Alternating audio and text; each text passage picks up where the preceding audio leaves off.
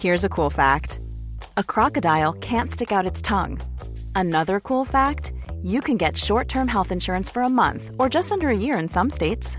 United Healthcare short term insurance plans are designed for people who are between jobs, coming off their parents' plan, or turning a side hustle into a full time gig. Underwritten by Golden Rule Insurance Company, they offer flexible, budget friendly coverage with access to a nationwide network of doctors and hospitals. Get more cool facts about United Healthcare short term plans at uh1.com. This is Paige, the co-host of Giggly Squad, and I want to tell you about a company that I've been loving, Olive and June. Olive and June gives you everything that you need for a salon quality manicure in one box. And if you break it down, it really comes out to $2 a manicure, which is absolutely insane. It's also so easy to get salon worthy nails at home with Olive and June. The difference between how your nails used to look when you did them yourself and now with the Manny system is a complete game changer. The best thing about Olive and June too is it's a quick dry, dries in about one minute, lasts for five days, and full coverage in up to one to two coats. Visit oliveandjune.com slash perfect Mani 20 for 20% off your first system. That's oliveandjune.com slash perfect Mani 20 for 20% off your first system. Millions of people have lost weight with personalized plans from Noom, like Evan, who can't stand salads and still lost 50 pounds. Salads, generally, for most people, are the easy button, right? For me, that wasn't an option. I never really was a salad guy. That's just not who I am. But Noom worked for me. Get your personalized plan today at Noom.com. Real Noom user compensated to provide their story. In four weeks, the typical Noom user can expect to lose one to two pounds per week. Individual results may vary.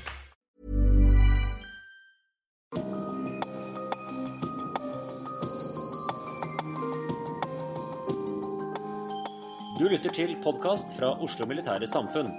Besøk vår hjemmeside oslomildsamfunn.no, og se oss også på Facebook, Twitter og LinkedIn. Så til eh, kveldens eh, foredragsholder, som er generalmajor Tor Rune Råby. Generalinspektøren i Heimevernet. Han hadde bursdag sist fredag, så han hadde anledning til å feire hele helga. Eh, norsk yrkesoffiser som har vært generalinspektør i Heimevernet i ganske nøyaktig tre år. Han kom da fra stillinga som nestkommanderende ved operasjonsavdelinga i Forsvarsstaben. Tidligere har han bl.a. vært sjef eh, for Hans Majestet Kongens Garde, og har også gjennomført United States Marine Corps Command and Staff College, der han oppnådde den akademiske graden Master of Military Science Distinguished Graduate. Kveldens tema er status og utfordringer i Heimevernet. Vær så god, general. Vi er lytterøre. Takk for det.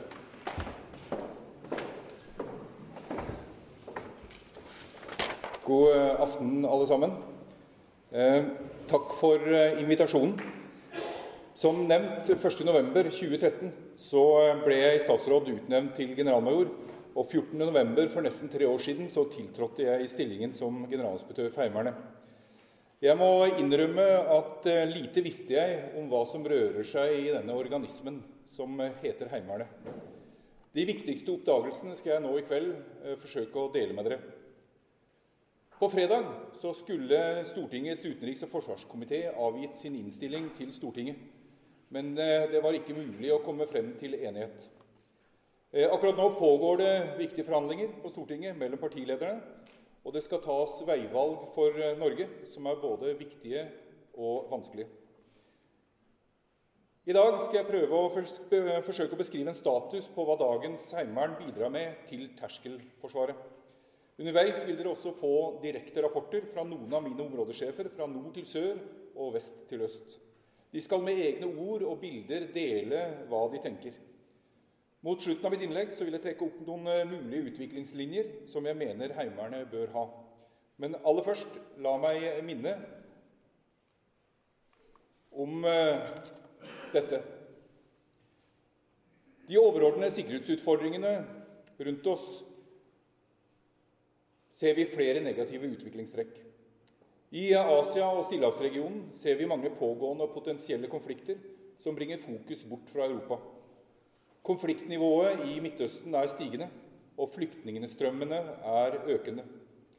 Russland har modernisert sitt forsvar og har vist vilje til å bruke militær styrke for å annektere landområder. Så hva betyr dette for oss, og når kan det usannsynlige bli sannsynlig? Dersom jeg hadde hatt svaret med to streker under, så ville jeg jo antagelig vært synsk. Eh, det er jeg ikke.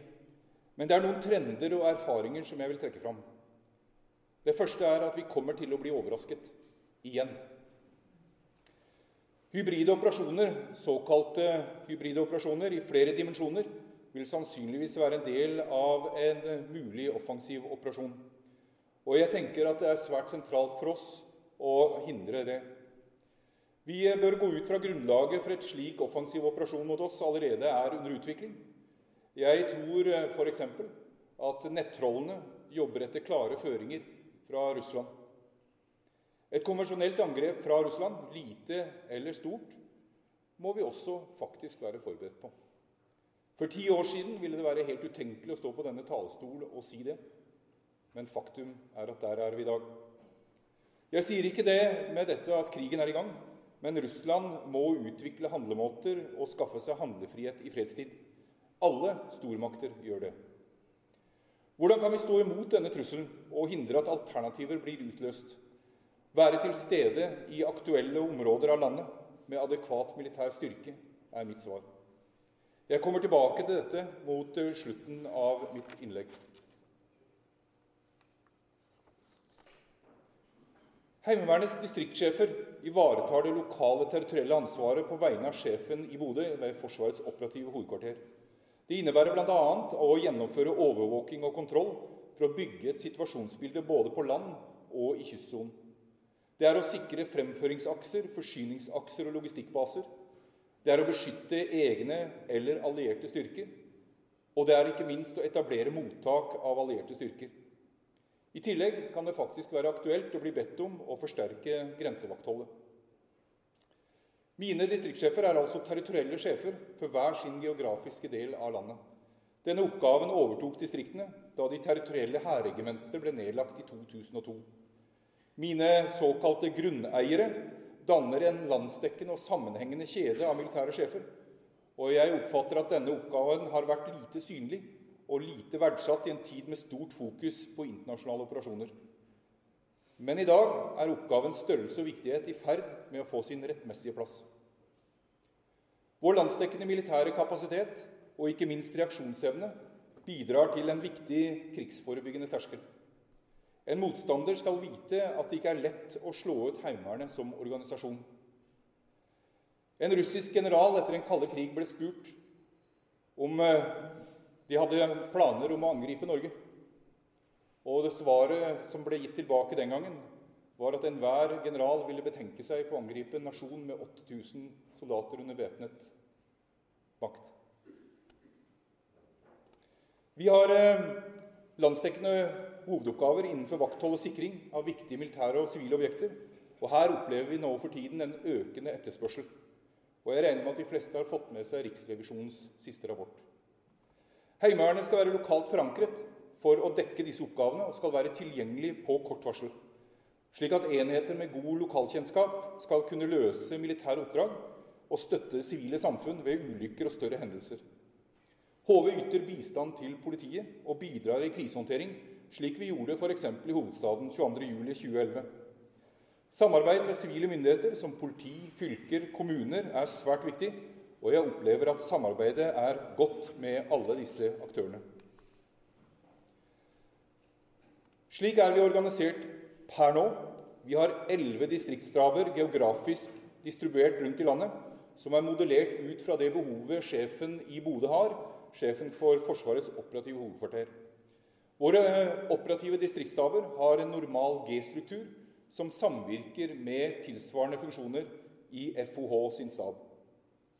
Våre staber er dimensjonert med arbeidskraft ut fra mitt minimumsbehov for styrkeproduksjon og ved krise tilføres et mobiliseringstillegg som ivaretar evnen til operativ planlegging og stridsledelse. Under distriktene så finner vi 249 HV-områder med 42 000 soldater og 15 innsatsstyrker med 3000 soldater. Til sammen 45 000. Alle stillingene i dag er ikke fylt eh, fordi midler er prioritert til trening og materiell, når begrensningen er midlene. På land har vi altså 226 områder, som hver ca. har 150-200 soldater. Vi har 17 sjøheimevernsområder. Vi har 6 luftheimevernsområder. Og som sagt totalt 249 områder. Våre områder trener om lag fire dager for soldater og seks for befal hvert år to år på rad. Og det tredje året trener bare befalet. Vi har elleve innsatsstyrker på land og fire innsatsstyrker på sjø. Dette er det jeg kaller 3000 semiprofesjonelle soldater som skriver kontrakt der de forplikter seg til å trene inntil 30 dager årlig. Jeg ber dere spesielt merke dere at det er 505 fast ansatte for å drifte en struktur på 4 eller 45 000 soldater. Det må vel kunne kalles lean manning. La meg gå inn på det aller viktigste. Hvem er denne HV-soldaten? Det kan være en herre i 40-åra, men det kan også være en jente i 20-åra. Så å si alle HV-soldater har altså tolv måneders grunntjeneste som soldat. Ca. 4000 av dem har vært ute i internasjonale operasjoner. Og HV-soldaten har som kjent lett utrustning, han er lokalkjent, hun har livserfaring, og HV-soldaten har ikke minst med seg sin sivile kompetanse inn i utøvelsen av soldatyrket. Det er viktig at HV-soldaten trener jevnlig med våpenet sitt.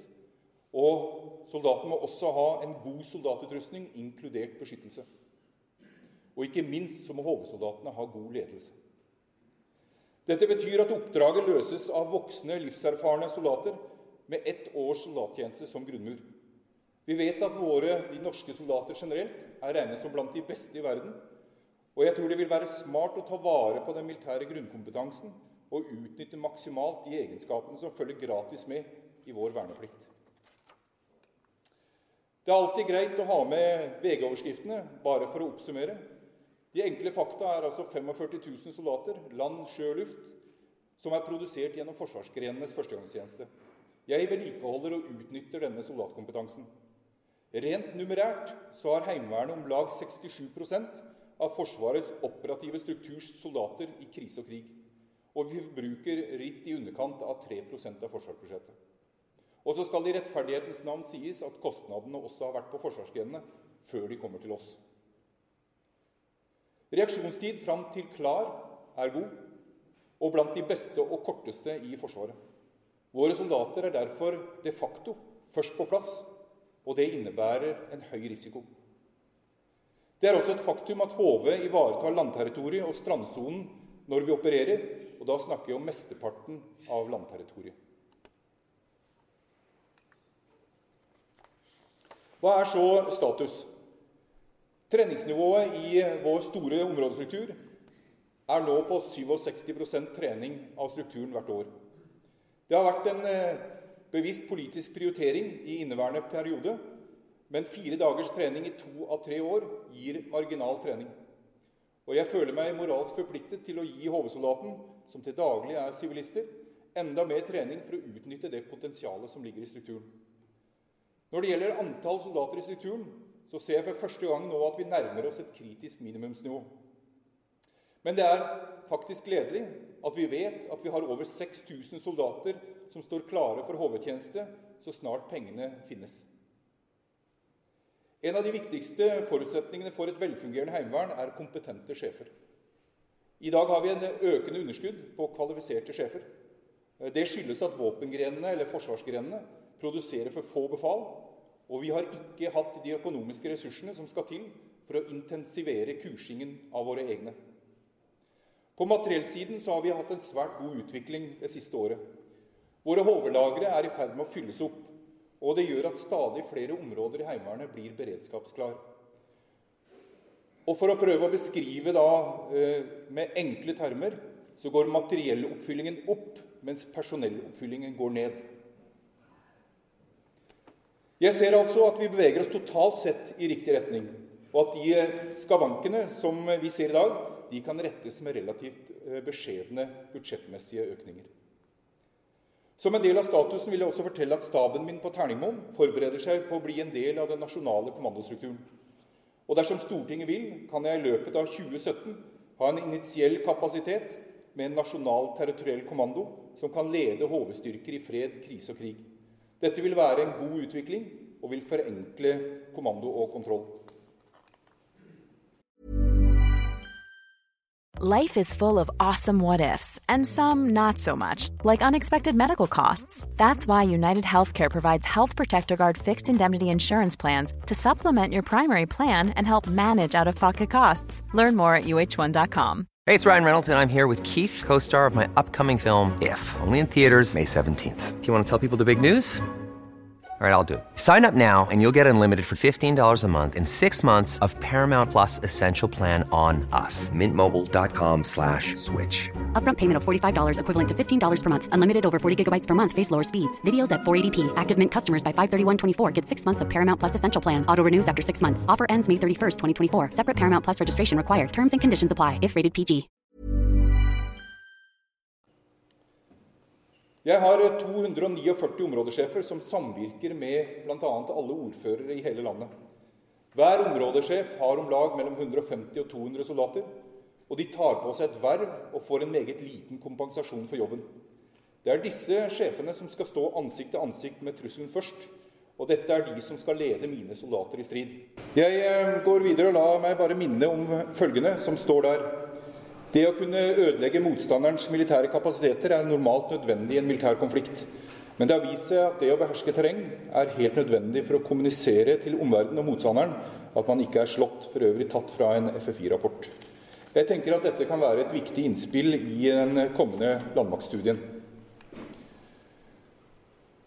Det første jeg gjorde for knapt tre år siden, var å ferdigstille en studie om fremtidens heimevern.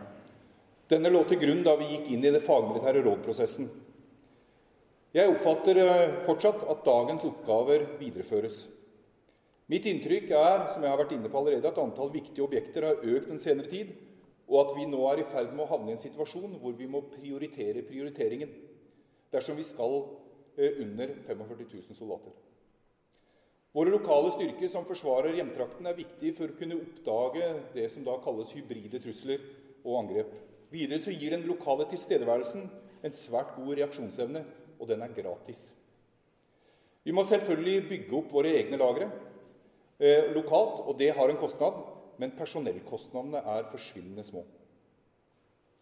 Differensiering er nødvendig når vi skal designe strukturen i forhold til lokale geografiske og klimatiske forhold. Ikke minst må vi forholde oss til en lokal trussel. Jeg vil utdype det litt etterpå. Videre tenker jeg at vi må få lov til å ta i bruk enkeltteknologi slik som overvåkningskameraer, jaktradioer, eh, kommersielle droner osv. Jeg tror at med små hjelpemidler kan vi oppnå svært mye. Og jeg ønsker derfor i min egen organisasjon å appellere både til kreativitet og lokale initiativ. Når sikkerheten til familien blir truet, så blir man ganske oppfinnsom på, med tanke på å beskytte dem. For å gi dere noen eh, korte historiske eksempler. Mektige Sovjetunionen klarte altså ikke å overvinne Mujahedin. Noe av det samme har vi vel måttet konstatere gjelder Natos ISAF-styrker og Taliban. Vi kan få til noe av det samme med Heimevernet i Norge uten at det skal dra den for langt.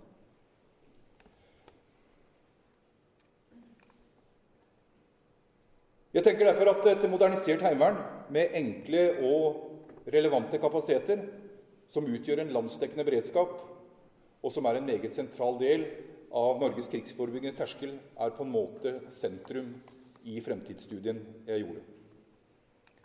Hva mener jeg så da med differensiering? Et landsdekkende heimevern de facto opptrer i forskjellige klima og topografi. I tillegg er det ingen entydig trussel over hele landet. Vi jobber nå med å bygge opp en basiskapasitet over hele nasjonen. Det er vel og bra, særlig når vi skal møte det ukjente i en overraskende setting. Men jeg ønsker å finjustere organisasjonen, for jeg tror at litt skreddersøm vil gi oss god uttelling. Og Derfor så tror jeg bl.a. at følgende kapasiteter kan og bør videreutvikles i forhold til Heimevernet. Bekjempningskapasitet både mot pansrede kjøretøyer mot fartøyer i strandsonen og bruk av indirekte ild. Jeg har tro på at vi må utvikle oss innenfor evnen til kommunikasjonsødeleggelser. Jeg tror vi må arbeide videre med å bli bedre på oppklaring og overvåking. Og så må vi se på hvordan vi skal kunne bli bedre med å forflytte oss utenfor og på vei. La meg ta Finnmark som eksempel.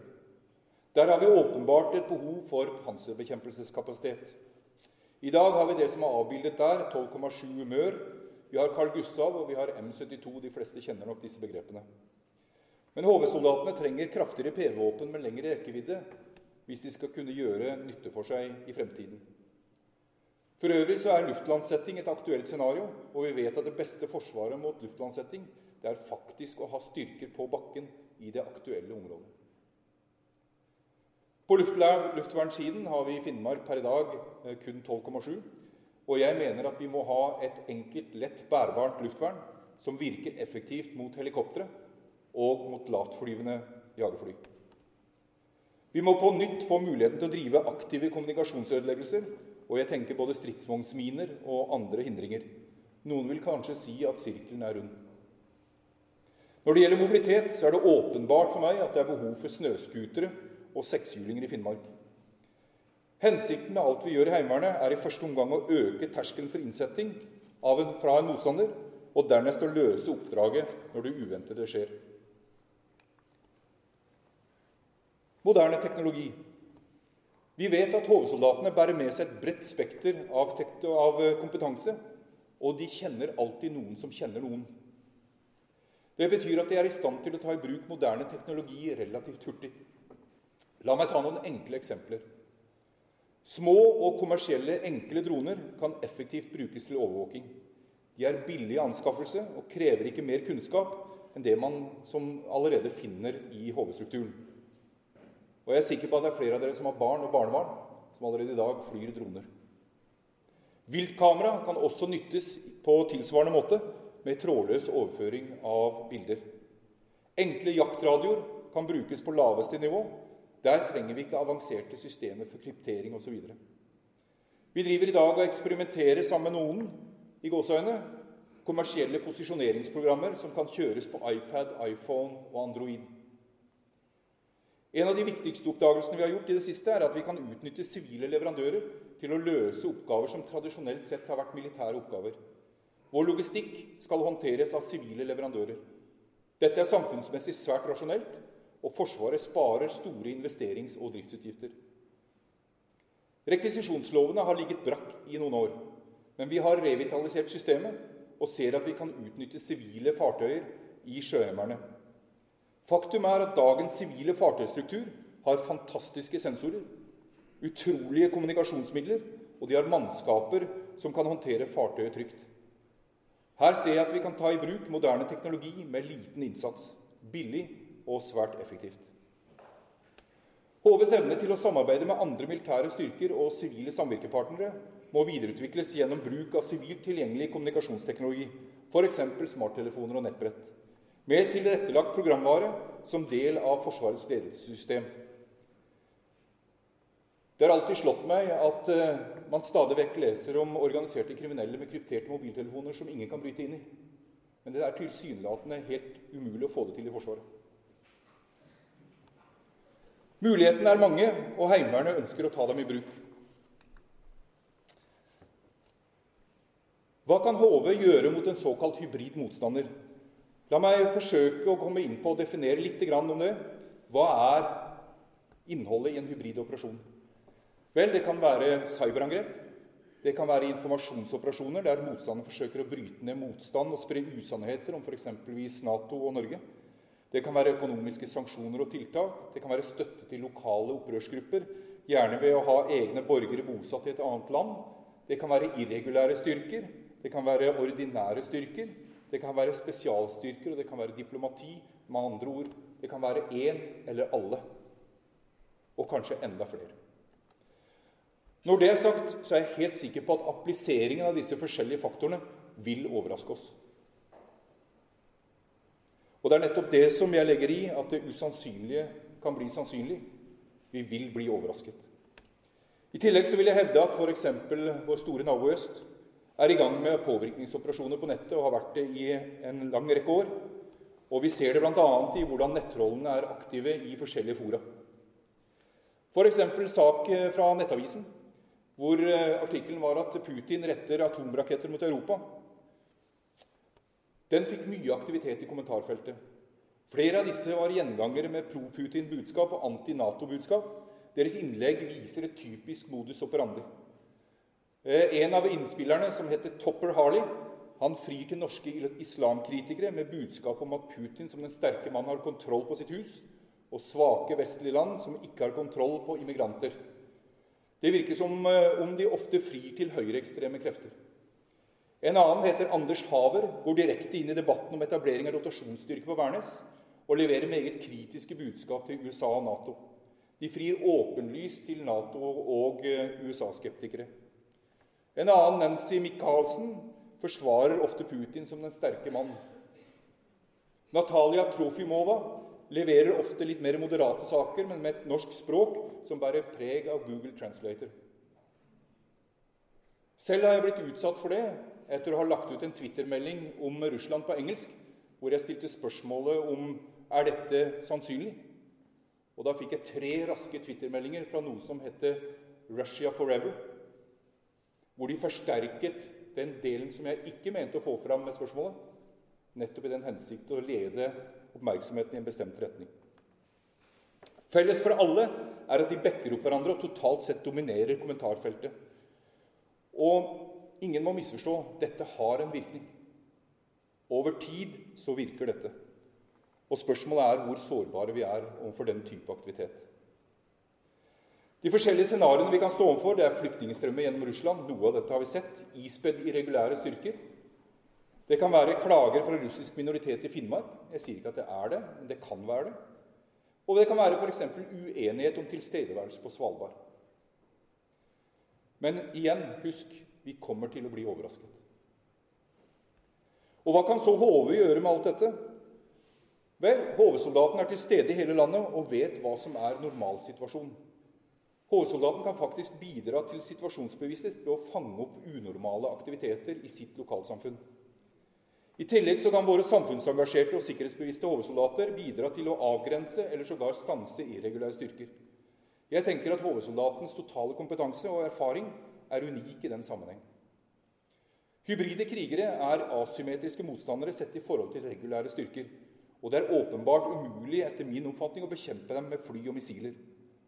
På samme måte så tenker jeg at HV-soldaten med sin lokalkunnskap og sin sivile forankring vil være en asymmetrisk trussel mot en hybrid kriger, så vel som mot en konvensjonell motstander.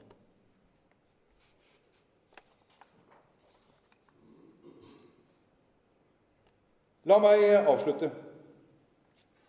Flere titalls tusen soldater som til daglig er integrert i samfunnet, er en krigsforebyggende terskel. Disse HV-soldatene er kjernen i den organisasjonen som er klar til å forsvare sin familie, sin bygd og sin by. Jeg er av klar oppfatning av at vi trenger en sterk landmakt med en slagkraftig brigade. Men en småstat må også tenke asymmetrisk. HV-styrken kan på mange måter sammenlignes med irregulære styrker, uten at vi skal trekke det for langt. Når familien trues, øker forsvarsviljen og HV-kreativiteten i takt med trusselen. Hærens brigade er én brigade og kan bare være på ett sted av gangen. Resten av landet forsvares de facto på landjorden av Heimevernet.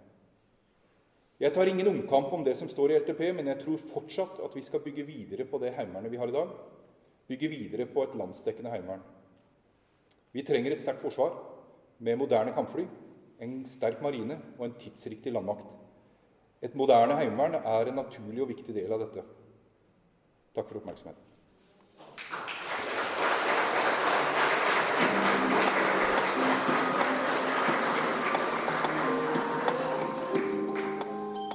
Du har hørt podkast fra Oslo Militære Samfunn. Besøk vår hjemmeside oslomildsamfunn.no, og besøk oss gjerne på sosiale medier som Facebook, Twitter og LinkedIn.